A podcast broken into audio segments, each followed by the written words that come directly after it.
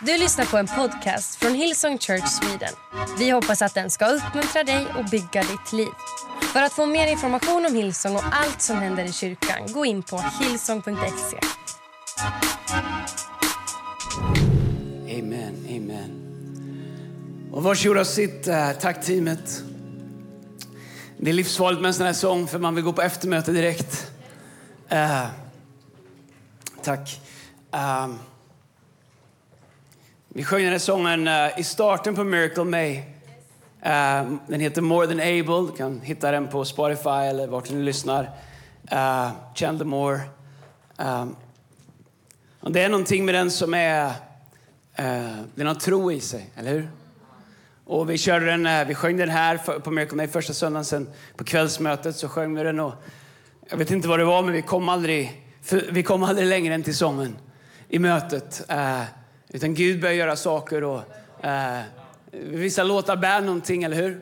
Eh, som är födda och eh, det krävs all disciplin jag har och inte bara gå söndagskvällen. Men jag har ett ord jag tror att Gud vill att jag ska dela det. Och när jag har sökt Gud inför idag, eh, vilket jag har gjort hela månaden, eh, så har liksom min tanke varit att nu ska vi ha liksom ett Preachers Preachers eh, avslutningsmöte här. Och det har gjort det väldigt bökigt. Därför att ju mer jag har sökt Gud, ju mer är det som att det Gud har lagt mitt hjärta är teaching, en undervisning. Nej, vi ska väl kunna skruva till det i slutet så att det blir lite eh, det blir härligt och vi kommer be. Vi kommer göra någonting väldigt konkret. Ja, vi har bönedukar i tusentals på alla våra campusar. Vi kommer be trons bön. Och jag ska berätta vad det här är i slutet av min predikan och när vi går in i ett eftermöte. Men det är pingst just nu. Den här helgen. Eh, vi firar det. De har snott uh, annandag pingst för oss eh, till eh, nationaldagen. Det är vad det är. Eh, men du vet, pingst är inte en dag, det är hela året, eller hur? Eh, anden kom eh, och, och den har aldrig lämnat, utan den är kvar. Och, grejen är så här att eh, Jesus sa att jag ska lämna er. Eh, men jag lämnar er inte ensamma. Jag ska be Fadern att han ger er den heliga ande, anden. Och han ska vara hos er alltid.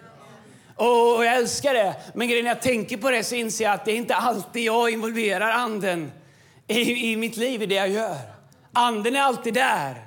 Men jag avgör om anden får vara närvarande. Jag avgör om anden får ha en impact eller påverkan. Det, det går tillbaka till det jag läste kring eh, vår kollekt tidigare. Att det har att göra med hur jag har positionerat Gud i mitt liv. Och hur jag har positionerat mig själv gentemot Gud. Det avgör vad anden kan göra i, i våra liv. Jag vet inte om det går. Jag vet att det är online och massa saker. Om det går att få lite mer monitor. Det är, om det inte går för att det rundar online så gör ingenting. Om det går, bara säg om det går. Jag har blivit en helt ny människa annars. Jag är så tålig. Eh, och eh, inte alls lika eh, beroende. Tack ska ni ha. Så räcker det. Det jättebra. Fantastiskt. Underbart. Det finns bara massa människor här som löser saker. All right. Löftet om ande och kraft. Det står i Johannes evangelium kapitel 16, vers 15. Eh, förlåt, vers, eh, kapitel 16, vers 5. Jesus säger, nu går jag bort till honom som har sänt mig och ingen av er frågar vart jag går. Det jag har sagt fyller era hjärtan med sorg, men jag säger er sanningen, det är bäst för er att jag går bort. För om jag inte gör det så kommer inte hjälparen till er. När jag har gått bort ska jag sända honom till er och när han kommer ska han visa världen vad synd, rättfärdighet och dom är. Synd, de tror inte på mig. Rättfärdighet, jag går till Fadern och ni ser mig inte längre. Och dom, den här världens härskare, är redan dömd. Det är så mycket jag vill säga er, men ni kan inte ta emot det nu. Men när han kommer, sanningens ande, ska han vägleda er i hela sanningen. Han ska inte tala av sig själv utan bara berätta det han har hört och låta er veta vad som kommer att hända i framtiden. Eller hur? Bra, eller hur? Han ska låta dig veta vad som... Du säger, jag har ingen aning vad som ska hända i framtiden. Well, har du frågat anden? För han säger att han ska låta er veta. Vi går inte liksom blindfolded in i vår morgondag utan faktum att Bibeln säger att anden ska låta oss veta vad som ska hända. Hur ska det gå för mina barn? Hur ska det gå för mitt äktenskap? Hur ska det gå för mitt företag? Hur ska det gå för min hälsa? Hur ska det gå för Djurgården? Well, det kanske inte ens anden kan göra något men, men vi lever liksom inte, ibland tänker vi så här att vi går så här, gode Gud hjälp mig. gå." Men Bibeln säger att det var just därför som han har gett oss den heliga ande. Och ibland så frågar vi alla andra. Vi tar alla råd som finns till och med slår tärning om det, du vet, gissa, roligt, dåligt, Kick, vad som helst, så glömmer vi att vi har sanningens ande som har som uppgift att leda oss in i sanningen och visa oss det, vad som ska ske. Han, eh, han ska förhärliga mig, för han låter er veta vad han har fått från mig. Så det vi inser är att om det inte förhärligar Jesus så är det inte anden. Allt med anden en gåva ifrån Gud för att leda oss rätt, för att leda oss in i framtiden. För att vi inte ska vara ensamma, för att vi inte ska vara egen kraft. Men allt med anden förhärligar Jesus. Det innebär att allt som jag har i mitt liv som är fött av Gud och andefyllt förhärligar Jesus. Och det förhärligar allting med Jesus. Det förhärligar sanningen. Det förhärligar rättfärdigheten. Det förhärligar nåden. Det förhärligar kärleken. Den förhärligar andens frukter. den förhärligar allting som kommer ifrån Jesus. Men säg i Apostlagärningarna kapitel 1, vers 8, man kan ju inte runda den så här på pingsthelgen. Så står det så här. Men när den helige ande kommer över er, alltså det som Jesus har lovat, då ska ni få kraft att vittna om mig. Alltså kraft till mobilisering, kraft till att göra någonting för Gud. Inte bara kraft till att överleva. Om kraften bara räcker till för oss, då har vi inte låtit oss bli uppfyllda av anden. Därför att jag upptäckt att även i mina svåraste stunder, så om jag låter mig fyllas av anden så kan jag gå igenom min svåraste säsong, ändå ha kraft till att betyda någonting för andra människor. Inte av min egen kraft, men av Andens kraft. Ni ska få kraft att vittna mig både i Jerusalem, i Judeen, i Samarien och över hela jorden. Så säger Gud, eh, Jesus att, att det är vår gåva som han ska ge till oss. Och så i Apostlagärningarna kapitel 2 så står det så här. När pingstdagen kom var de troende alla samlade. Då hördes plötsligt ett dån från himlen som en väldig storm och det fyllde hela huset där de satt. Sen såg de något som såg ut som eldslågor och de delade på sig och stannade över var och en av dem och alla blev fyllda av den helige Ande. Alla blev fyllda av den helige Ande. Vilka blev fyllda av den helige Ande? Alla som var där och sökte den helige Ande. Alla som var i rummet, inte de som var utanför. Det var inte alla blev fyllda, nej alla som var där och faktiskt sökte den helige Ande. Alla som var där och väntade på den helige Ande. Alla som hade hört löftet och trodde det och var där och var i bön och var mottagliga och i förväntan. Och det säger någonting vi kan starta varje morgon. Vi kan bara gå upp och dra igång och, och liksom vara utanför rummet och tänka varför har jag ingen kraft? Eller vi kan starta morgonen med att vara i rummet och säga Gud jag är här, jag tar emot din kraft. Jag väntar på dig, jag väntar på din styrka. Den som väntar efter Herren ska få ny kraft. Eh, sedan, var, så, eh, sedan eh, såg de något som såg ut som eldslågor och de delade på sig och stannade över var och en av dem. Och alla blev fyllda av den helige Ande och började tala i, alla, eh, tala i andra språk som Anden gav dem. Lyssna! Att bli uppfylld av Anden, eller att vara smord, vilket är ett annat ord, det var ingenting nytt för lärjungarna. Att, människor, att man kunde bli uppfylld av Anden. Det var inte så att det här var någonting som de aldrig hade varit med om tidigare. Utan tvärtom. De här kunde eh, Gamla Testamentet. Och, och, de visste att i Gamla Testamentet så hade Gud alltid fyllt eh, vissa människor med sin ande. De hade hört människor profetera. De hade eh, liksom, eh, visste ifrån skrifterna vad Gud hade gjort. Eh, men i Gamla testamentet så var det bara en eller några få i taget som var uppfyllda av den helige Ande. Och när Jesus dog och förlåten brast så ändrades det till att alla som vill kan bli uppfyllda av den helige Ande. Inte bara en i taget. I Gamla testamentet så var det tre personer eller roller som kunde bli smorda av den helige Ande. Det var prästen, och det var kungen och det var profeten. Och vi kan läsa igenom det en annan dag, men det, det, det är intressant. Det var anden och andens kraft som gav dem förmåga att profetera, att utföra underverk, att hela, att uppväcka döda, att leda, att eh, vinna krig, att vara i tempeltjänsten och alla de här sakerna. Det var den helige ande, alltså samma helige ande. Och det är den anden som var över Elia, den anden som var över Samuel, den anden som kom över Saul, över David, den anden som, eh, som vi kan läsa om i Gamla Testamentet. Det var den anden som Jesus säger, jag ska gå till Fadern och jag ska be honom sända den här anden. Och, och så är det inte så att lärjungarna inte har en aning om vad det här är. De vet om Elia. Eller hur? Petrus, Jakob och Johannes hade ju varit på förklaringsberget och sett Elia och sett Mose. De visste vad den här anden var. Det var bara att det tillhörde en person per generation eller väldigt utvald som var kallad och använd av Gud. Och här kommer Jesus när förlåten har brustet och Guds närvaron är tillgänglig för alla och säger nu ska jag gå till Fadern och jag ska be honom Eh, sända den anden som ni har sett i unika specifika fall. Den ska nu komma, nu komma över alla. Det är det som är så spektakulärt för lärjungarna. Och det är det vi måste förstå. Att när vi läser Bibeln så är det den anden, Guds ande, som kommer över. Och helt plötsligt så säger Bibeln att den anden är nu inte bara till för några utvalda eller några som Gud har kallat. Den är nu till för alla människor. Och när du läser Gamla Testamentet, du läser om David, du läser om Elia, du läser om Samuel, du läser om alla de här. Så, så inser du, wow vilka gudsmän. Du läser om, om Enok eller Hanok, vilken översättning du än läser som vandrare med Gud. Hör du tänker, vilka gudsmän, vilka gudskvinnor, om Rut, om Miriam, om alla de här och, och som Gud använde och om Ester. Och jag tänker, wow, tänk att få, det är ju det jag säger, hej, samma ande ska nu komma till. Jag ska be Fadern att den anden nu är hos er och han ska vara hos er alltid.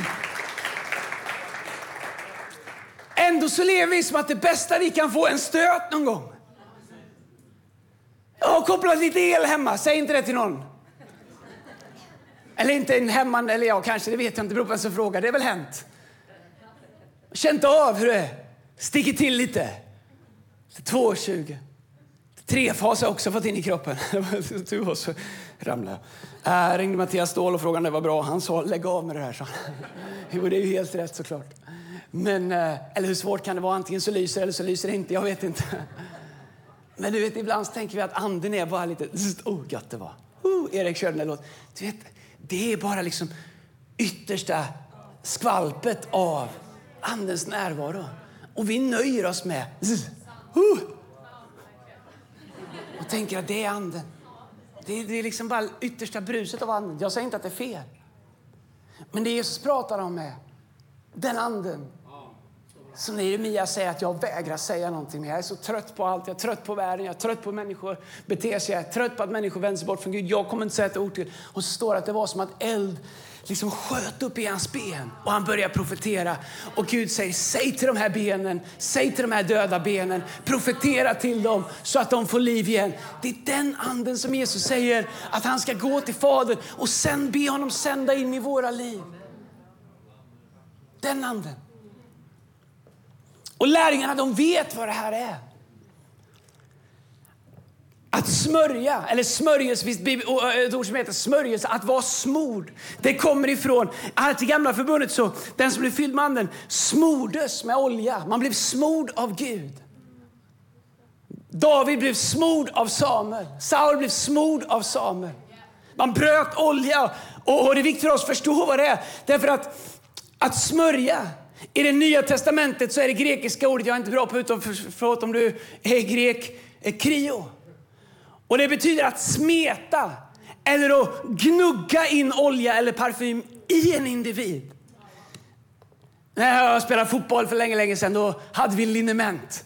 Jag var 13 år, hela omklädningsrummet luktade liniment. De stora fotbollsspelarna hade liniment så vi satt där och gned våra lår utan muskler när vi var 11 år och tänkte att nu blir vi snabba.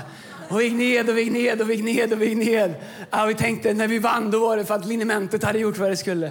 Eh, och det liksom skulle in i, i kroppen. Men vet du, det, det, det kommer ifrån Krio, det är att läkare på den här tiden, de, de hällde olja i sina händer när någon hade ont i kroppen, i musklerna. Och så masserade de så att oljan skulle tränga in i musklerna och på så sätt liksom komma in i, att trycka, trycka det in i, att massera det djupt in i de onda, onda musklerna. Så tekniskt så betyder att smörja eller vara smord, det betyder att gnugga in olja på en annan person. Och om vi tänker på händerna som smörjer, alltså Guds händer. Olja, det var något extremt dyrbart i Bibelns tid. Psalm, 92, förlåt, Psalm 133 säger hur ljuvligt det är när, när, när, när, när bröder och systrar lever i endräkt, alltså i enhet. Det är som när oljan rinner ner för Arons skägg. Alltså det är en bild på någonting heligt. Olja var dyrbart i Bibeln. Och istället för att ta oljeflaskan och bara hälla den över människor och skvätta så tog personen först olja i sina händer och sen applicerade och gnuggade och tryckte in det i personen. Och samma sak använder Bibeln beskrivning av att Gud han tar sina händer och han fyllde dem med olja, essensen av Guds ande. Och, och sen la han sina mäktiga händer på oss och så pressar han in sin ande, pressar in sin olja i oss och så säger han att vi ska leva inifrån och ut. Att vi måste bli födda på nytt, att vi ska bli uppfyllda, att den ska vara i oss och inte bara över oss. Därför att anden kunde komma över människor och de kunde ha momentala stunder av extraordinära saker. Men nu säger, and, säger Jesus att vi ska bli uppfyllda. Och det härliga till det här krio, att den ska bli inmasserad i oss, i vårt innersta väsen. Den heliga Ande. Att det inte bara är tillfälligt komma över-grej, utan att det nu är någonting som ska tränga djupt in i oss. Sanningens ande, Guds ande, som ska vara i våra liv och verka i våra liv.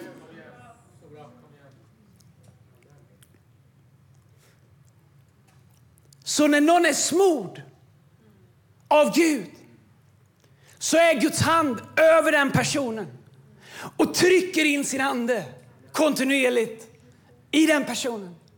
Det är liksom inte att Gud går smord. Utan att det är att Gud kontinuerligt trycker in sin ande, trycker in sin närvaro, trycker in sitt väsen i en person. Smörjelse. Guds andes kraft. Jag älskar ordet smörjelse. Jag älskar ännu mer på engelska. Anointing. Ooh, come on somebody. Anointing fall on me. Den kan inte sjunga i USA för länge sedan. Anointing fall on me. Det här kommer bli högt. Let the presence of the Holy Ghost fall on me. Anointing fall on me. Anointing, smörjelse. Guds närvaro, Guds kraft. Smörjelsen, säger Bibeln, har kapacitet att bryta våra ok. Mer än någonting annat. Jag kan prata med dig i tio år, men smörjelsen kan bryta oket på en sekund. Smörjelsen kommer alltid att provocera. Och det här kan jag predika om en annan gång. Men om du bär Guds smörjelse i ditt liv så kommer det finnas tillfällen. Det räcker att du går in i ett rum så är rummet provocerat. Det är inte vem du är, det är vad du bär. Smörjelsen kopplar vårt naturliga med Guds övernaturliga. Smörjelsen förlöser det som inte borde gå att förlösa. Smörjelsen förvandlar, smörjelsen gör skillnad. Smörjelsen är Guds förmåga, Guds kraft inmasserat, intryckt i dig som nu arbetar genom dig. Och när Bibeln säger inte genom någon människas styrka eller kraft ska det ske utan genom min ande så menar den genom min smörjelse, den verksamma kraften av ande. Och det är det som Jesus talar om att ska komma över oss, att vi ska bära men också att den ska vara i oss. Anden, smörjelsen. Och vi vill gärna ha den och ibland kan man tänka att det är liksom som, som du vet så här, Lucky Luke. Så bara, jag har mer smörjelse än dig. Jag skjuter snabbare än dig. Men det är inte det den är. För vet du, jag älskar smörjelse. Utan smörjelse går ingenting. Utan smörjelse allt det här hittar på. Utan smörjelse allt mänskliga tankar. Utan smörjelse så är det här ingenting. Men vet vad smörjelsens viktigaste jobb är? Den bryter ok, den hjälper oss att profetera. Den gör alla möjliga extraordinära saker. Men vet du vad dess viktigaste jobb är? Vet du andens viktigaste jobb är? Det är att förvandla oss. Anden är Guds kraft som hjälper oss, som ger oss kraft, vishet, styrka, tröstar, leder oss, som ger oss favör, Guds godhet och välsignelse. Men vet du, mest av allt så förvandlar den oss. Och tecknet på att Gud masserar in sin ande, masserar in sin smörjelse i våra liv, det är att vi blir mer och mer förvandlade till likheten av Kristus. Paulus säger att jag dör dagligen. Jag vill bli mer lik dig Jesus. Jag vill, liksom, jag vill att mitt liv ska spegla dig och hans bön utifrån anden. Det är inte jag. Låt mig få gå på vatten som Petrus. Låt mig få springa snabbt som vem det nu var som gjorde det. Låt mig få göra en Filippus där helt plötsligt förflyttas i anden därifrån. Nej, hans bön är utifrån anden Gud hjälp mig att bli mer lik dig. Hjälp mig att förnya mitt sinne. Gör mig mer förvandlad. Hur kan du använda en sån som mig? Så Paulus bön utifrån anden, det är att den skulle göra honom förvandlad och mer lik Jesus. Och jag tycker det är intressant om vi går in för en ganska lång landning här. En av många. Om vi tittar på Saul, om vi får gå in i bara lite mer teaching innan vi tar upp Erik och gör möte av det här. Men Saul och David, Men smorda av samma ande. Men deras liv har två helt olika outcomes. Så Israels folk vill ha en kung. De har aldrig behövt en kung, för de har Gud som sin kung. Men de muttrar alla andra har ju en kung. Och varför får inte alla gör ju så nu? Gud, ska ni med en kung till? Ni har ju mig, ni är mitt folk. Mm, de har kung, filisterna har kung. Man måste förstå vilken värld vi lever i. Vi har ingen kung. Nej, så Gud, nej, det kan ni väl få den, Ni behöver ingen. Men till slut så, jag vet inte om Gud, om man är som jag hemma ibland med tjat. Liksom, ja. ja, ni skulle sett vår familj hemma igår.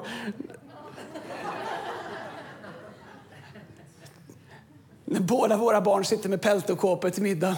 för de är så trötta på vårt oh, Tänk om någon hade filmat det igår. Vi sitter och äter, jag och Lina pratar. Båda våra barn har varsitt par av mina pält och kåpor. Det var det så kan det vara hemma hos oss.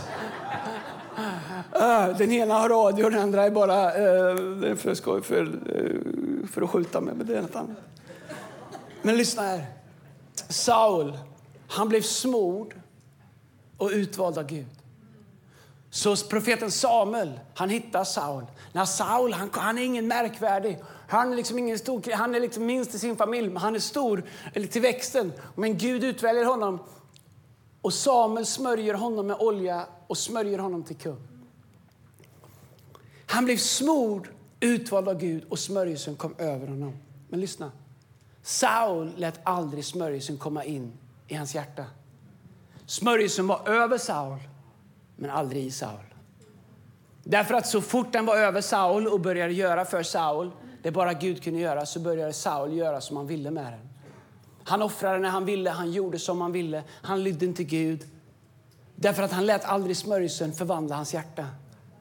Han, den var över honom, han var kung och och smörjelsen verkade för honom. Men den verkade aldrig i honom.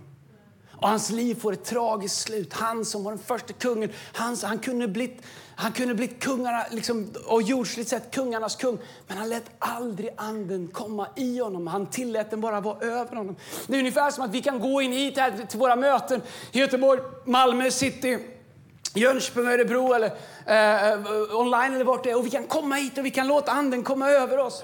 Och vi kan känna hur gött det är. Oh, ser du här, nu kör de den låten igen och anden är över oss. Men vet du, om anden inte får komma in i oss så kommer den aldrig långsiktigt kunna göra en skillnad i våra liv. Och vi kan, vi kan läsa alla löften vi vill. Vi kan proklamera, vi kan deklarera, vi kan fasta, vi kan be, vi kan göra allt vi kan. Men om vi inte låter anden komma i oss, få ägandeskap, om vi inte tar emot Jesus som Herre så att anden faktiskt får vara i oss. Göra anspråk på oss. Hur vet vi det? Well, en sak man kan checka av är andens frukter.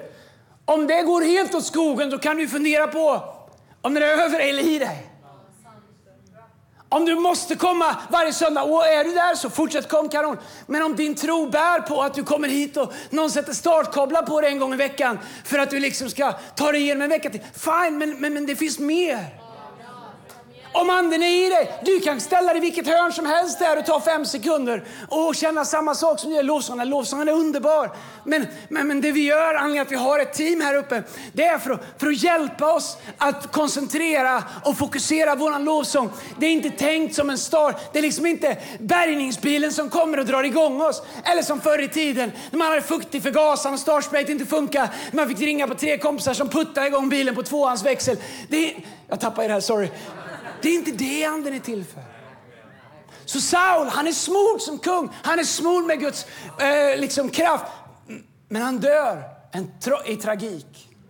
Han lät den aldrig komma in. Den helige ande kom över honom, men Saul lät den aldrig förvandla hans hjärta. Han gjorde som han vill, han lydde inte Gud. Han offrar hur och när han vill. Och när han blev mobbad, när han blev ansatt, då sprang han och gömde sig och klev inte in i någonting nytt. Utan det Saul gjorde var att han gick tillbaks till den han var innan smörjelsen. Fast smörjelsen hade kommit över honom så gick han tillbaks till vem han var. Det är det som händer när smörjelsen aldrig får komma in i oss. När Gud inte får massera in. Vi kan dra upp det förflutna. Vet du, vi kan sitta här och jag har respekt för att vi kan ha förflutna. Så hör vad jag säger. Jag raljerar inte, men lyssna. Jag skulle kunna sitta med mitt förflutna. Och både innan Jesus och de 28 åren jag varit pastor. Och jag skulle kunna göra hundra anledningar till varför jag skulle hata människor, vara besviken på människor och vara missförstådd och mina fel jag gjort, allt möjligt. Men vet du vad? Anden måste förnya det hos mig. Jag måste gå till Gud med det.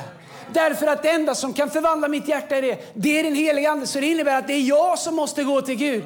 Och du kan ana vad han gjorde med mig 15 år sedan. Jag kan ta det som att sista året. Du vet, min tro bärs av Anden. Mitt hjärta bevaras av Anden. Mitt hjärta helas av Anden. Mitt hjärta bärs av Anden. Därför att jag vill inte leva ett liv där smörjelsen är över mig, flyktigt. Jag vill leva ett liv där Guds ande är djupt masserat in i mitt liv så att den är kontinuerligt förvandlande inifrån och ut.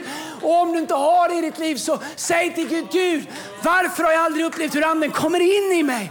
Varför har jag tillfälliga stunder när anden är över mig? Pingsten handlar om att anden ska vara hos oss alltid. I oss. Jag kan gå till Gud, spelar ingen roll vad de gör. Men när Saul mötte det så gick han tillbaks till där han brukade vara. För anden var inte i honom, den var bara över honom. Och när vi börjar förändras i hur vi ser saker och vi börjar förändras på vilka beslut vi fattar så är det för att vi, vi gör en Saul. Vi går till det mänskliga istället för att låta anden förvandlas kontinuerligt inifrån. Lyssna här, David, han var annorlunda. David, smörjelsen var i honom. Sen Samuel smorde honom. Så David han är ute på fältet, spelar harpa, lovsjunger Gud. Han är en psalmist, han vaktar får. Ingen vet var han är. En dag så kommer Samuel och ska smörja ny kung efter, e, e, e, efter Saul. Han letar igenom ah, Jesses hus och alla Davids bröder. Till slut hittar han, liksom, eh, hittar han ingen och så kommer de på att de har en som sitter och spelar harpa där ute som ingen tyckte var lämplig att bli kung. En tonårig, lite, lite skön, rödhårig, uh, fair skin säger Bibeln. Som kommer in David. Det är något med David när han kommer. Varför är det något med David när han kommer? Därför att David han kommer från att ha varit och tillbett Gud. Så när David kommer så säger Guds ande, han är det. Ingenting med det yttre gjorde att man skulle välja David. Och du kan titta på ditt liv och tänka ingenting med mitt liv, inget med mitt, mitt yttre, inget med det som jobbar för mig, inte mitt kontaktnät. Ingenting indikerar att mitt liv skulle kunna vara något speciellt. Det var exakt samma sak med David. Men här är vad som hände med David. David hade umgåtts med Gud bland fåren och låtit smörj som redan börja förvandla hans hjärta. Och när David möter Goliat så säger han, du kommer emot mig med svärd, sköld och lans. Men jag kommer emot dig i Herren Sebaots namn. David han, han, han, han pratar om vad som finns i hans hjärta. Han pratar om att anden är i honom. Han säger kom emot mig med det som är över dig, det du kan hålla i. Det som är mänskligt, det som syns, det som är på utsidan.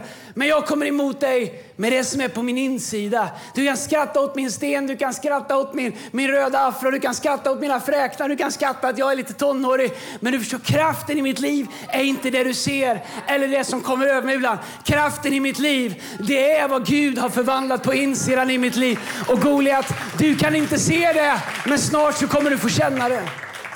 David han säger, det som är i mig är starkare än det som Goliat det som hos Goliat ser ut att vara starkare på utsidan. Anden, smörjelsen, måste förvandla oss. Så kommer han tillbaka till den berättelsen alldeles strax. Men Paulus, han blev förvandlad av anden. Jag tycker det är superintressant. Och jag ändå skalat bort 90 procent av all min undervisning för jag tänkte att det går inte. Ni ska, vi ska hem och fira och alla möjliga saker. Men ju mer jag läser om anden så ser jag att där anden verkligen gör någonting så börjar den med förvandling. Vad är det som gör att Petrus går från att förneka Jesus till att helt plötsligt stå upp inför alla de som korsfäste Jesus? Han är rädd för en liten tjänsteflicka som frågar om inte han var med Jesus. Svär, förbanna, förneka Jesus. Anden kommer, förvandlar honom och han steppar upp inför samma människor och säger han som ni korsfäste, han var Jesus. Och vi bär hans budskap. Det är samma, samma Petrus, det är bara några veckor emellan. V- Vad är skillnaden? Anden. Anden. Hur ska jag få kraft att och liksom ta mig igenom mitt äktenskap? Hur ska jag få kraft att stå i tro för ett helande? Hur ska jag få kraft att liksom klara av det här? Och Petrus hade inte kraften så han föll och förnekade. Men helt plötsligt så kommer anden. Helt plötsligt så är det inte hans kraft längre. Helt plötsligt så börjar Gud massera in anden på insidan av Petrus. Och Petrus känner att det är inte jag längre, det är något annat längre. Jag behöver inte fundera på vad jag ska göra. Jag kan bara stå upp mot omständigheterna och säga han som ni korsfäster, han var Messias och han kan ge frälsning. Han ska göra det. Det är inte bara en rad av serier positivt tänkande. Det är att någonting får komma på insidan. Om du har försökt tillräckligt länge att lösa någonting här uppe och det inte går så är problemet förmodligen att du inte har låtit det sjunka ner hit och låtit anden massera in framtiden här inne. Om det är stängt här så kan Gud öppna en väg här igenom. Om anden får masseras in i våra liv. Paulus, kolla här, häng med på det här. Lite bibelstudie till, så jag lovar det ska bli möte, men häng med här. Oh, rabba, jag har så mycket att säga. Apostlagärningarna 9, vers 3 till 6 så står det så här. Om Paulus, han heter Saul då. Men när han reste iväg närmare sig Damask, och, och närmare sig Damaskus omgavs han, sig, omgavs han plötsligt av ett starkt ljussken från himlen. Och han föll till marken och han hörde en röst som sa Saul, Saul, varför följer du mig? Saul förföljde och dödade kristna vid den här tiden. Han frågade, vem är du Herre? Och rösten svarade, jag är Jesus den du förföljer. Res dig upp och gå in i staden så får du veta vad du ska göra. Paulus har ett, ett moment med Gud. Men vet du vad som är otroligt suspekt? Det här måste jag gå till botten med. I alla svenska översättningar så saknas halva vers 6. Och i alla engelska och massa andra så finns en del av vers 6 med. Utom i svenska översättningar. Och jag fattar inte. Helt otroligt. Därför att de har missat kanske det viktigaste av allting, en av de viktigaste sakerna.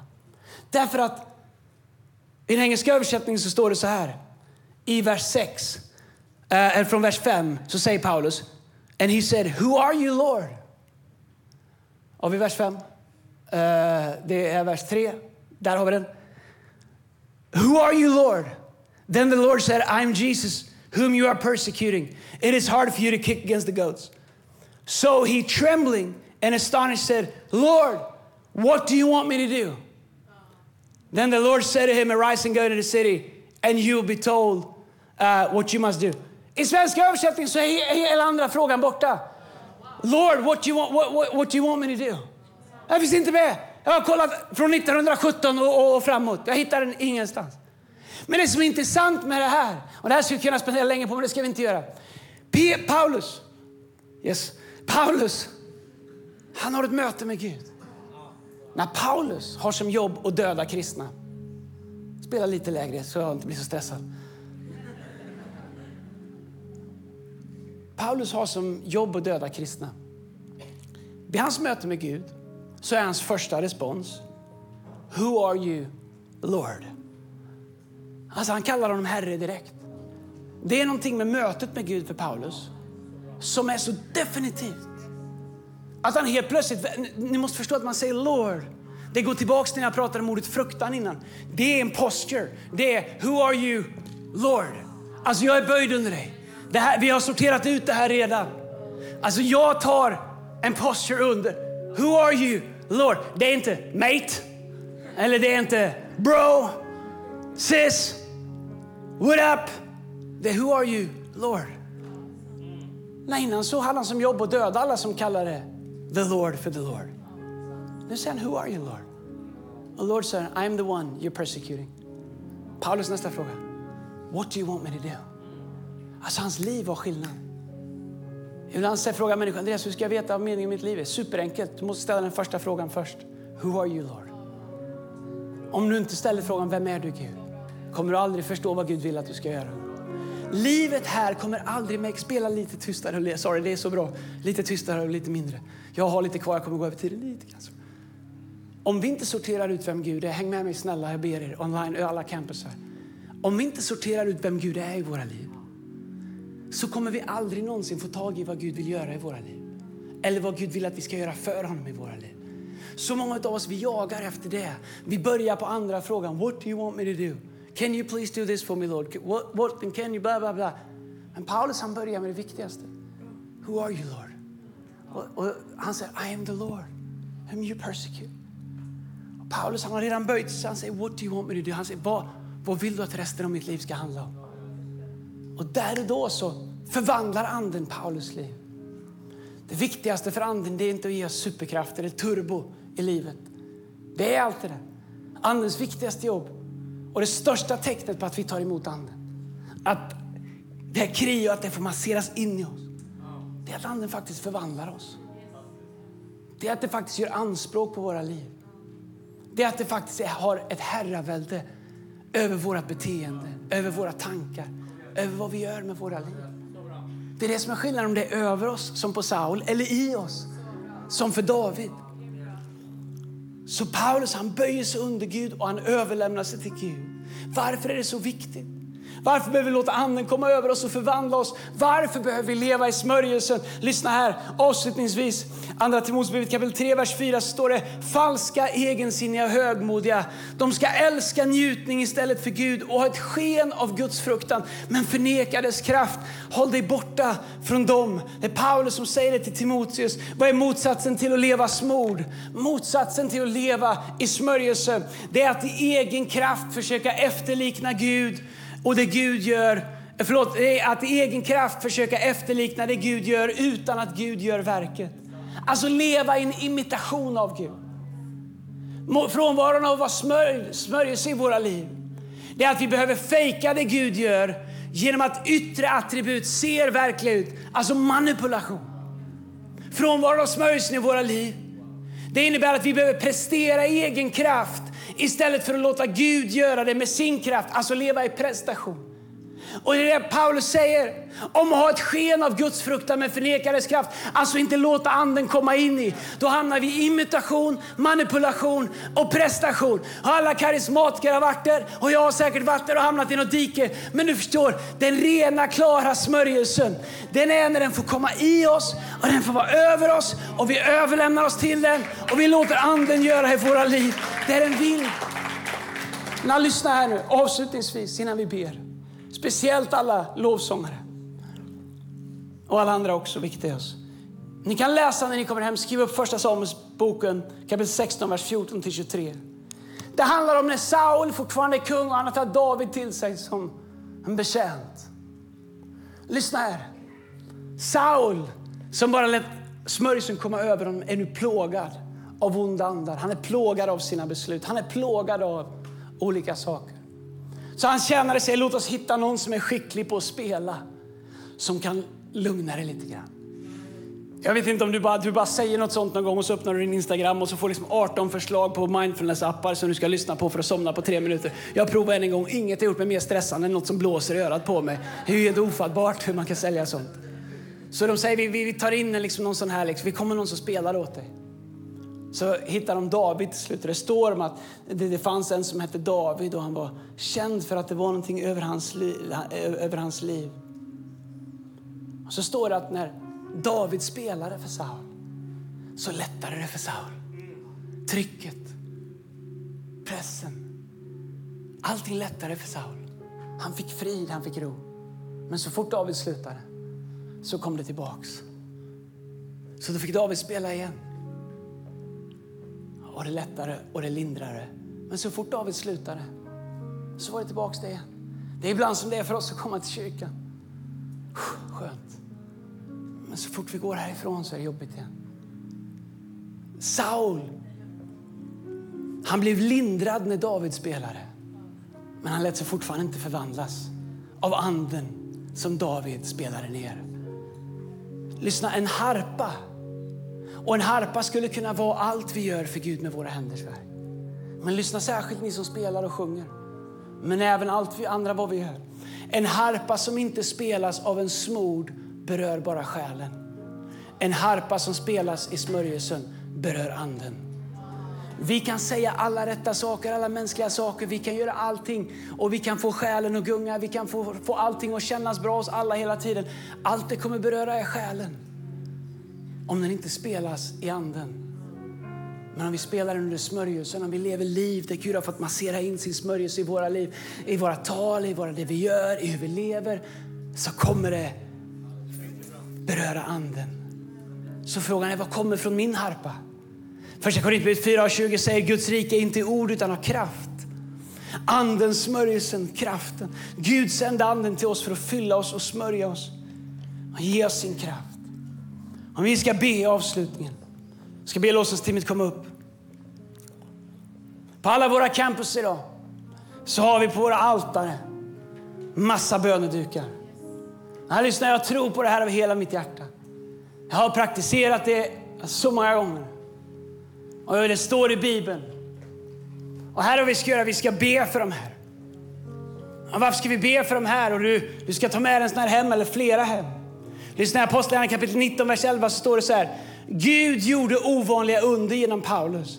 Man tog till och med dukar och klädesplagg som hade varit i beröring med hans kropp och la dem på de sjuka och då försvann sjukdomar och de onda andarna lämnade. Jag tror på en smörjelse som när vi sätter våran tro till någonting, att, det, att den är transferable, att det finns någonting med smörjelsen där vi ber i tro. Och där står att man tog till och med kläderna från apostlarna. Man tog dukar och man tog dem och man la dem på sjuka. Och jag kan säga, hon till berättade, men min, min far, min morfar, eh, morbror, han blev påkörd av en lastbil, så skallen var spräckt, hjärnsubstansen rann, alla hans ben var krossade. Läkarna sa han kommer aldrig överleva. Det finns nedskrivet i en bok eh, om Georg Gustafsson. Min mormor i sin nöd Morfar hade ingen tro, men min mormor i sin nöd skriver ett brev till Georg Gustafsson och säger snälla kan du komma och be för min son?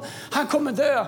Georg Gustafsson säger, vilket är en stor pastor, eh, fantastisk prat om en annan dag. Han säger jag har inte tid att komma, men jag skickar en böneduk. Det går lika bra. Lägg den under kudden. Vet du, några månader senare så vandrade Lars-Åke ut från sjukhuset med ett litet ärr på ena skenbenet därför att Georg Gustafsson hade bett för en böneduk. Du kan läsa om det i Ivar Lundgrens bok Georg Visionären eller Revolutionären. Och det är exakt vad vi ska göra. Och vi ska be trons bön här idag. Att anden ska göra någonting. Du har kämpat länge med din sjukdom. Du har kämpat länge med ditt äktenskap. Du har kämpat länge med dina barn. Du har kämpat länge med ditt företag. Du har gjort allt du kan i egen kraft. Du har gjort allt som går när anden är över dig. Men idag ska vi be trons bön. Att anden ska vara i dig och att anden ska vara i den där situationen. Och att anden ska göra en skillnad. Och jag tror på det här så djupt inifrån grunden av allt jag är. Att vi kommer se tusentals bönedukar. Se andens kraft gå ut i omöjliga situationer och vända dem. Och Guds andes liv ska komma in på samma sätt som Jeremia profeterade in i de döda benen och de fick liv. Så ska vi be och profetera om andens liv, andens helande och andens kraft i människors situationer. Andreas, vad är det här för någonting? Fattar du inte att det är 2023? Well, hitta någon annanstans. För jag kommer stå för att jag dör. Jag tror att Guds ande är mäktig och verksam och den går förbi mitt förstånd. Därför att när förlåten brast så gjordes allting möjligt. Inte bara för en, utan för alla. För alla. Därför ska vi be. Matteus kapitel 18, vers 18 säger sannerligen säger jag er. Allt ni binder på jorden blir bundet i himlen och allt ni löser på jorden blir löst i himlen. Jag säger er också att allt som två eller tre av er här på jorden kommer överens om att be, det ska de få av min fader. Så här är vad vi ska göra. Vi ska stå upp på alla våra camps. Erik och teamet kommer leda oss i en lovsång. Här framme så finns det två, det kommer komma fler. Skålar med bönedukar. Om du vill se Guds kraft i ditt liv, du vill se smörjelsen, anden, den som uppväckte Kristus från de döda. Om du behöver se den i en situation i ditt liv, kanske i din hälsa, äktenskap, barn, Ta en sån här. Smyg in den under en madrass. Smyg in den under en kudde. Smyg in den under sätet i bilen. Göm den in i innerfickan på en rock. Whatever, I don't care. Sätt den i kontakt med det du behöver se ett mirakel. Om det är för din egen del. Du vet, det är inget magiskt med den här. Det här är bara ett tecken på tro. Det är trons bön. Men jag tror att när vi ber trons bön så gör det skillnad i Jesu namn. Därför när vi sjunger den här sången som vi gör nu så kommer vi ha förebedjare. Förebedjare kan komma fram. Förebedjare som är redo att be trons bön. Här vill jag bara säga till alla förberedare, förberedare på alla våra campus. Lyssna på mig här nu alla förberedare. Det här är inte själavårdsbön idag. Idag är det två eller tre kommer överens och, de, och vi ber trons bön. Vi ber deklarerande, proklamerande tronsbön över människors situationer idag med ande och kraft i Jesu namn. Amen. Och medan vi lovsjunger, om du behöver det här och vi har dukar så det räcker. Kom och ta en duk, ta två, ta tre om du behöver det.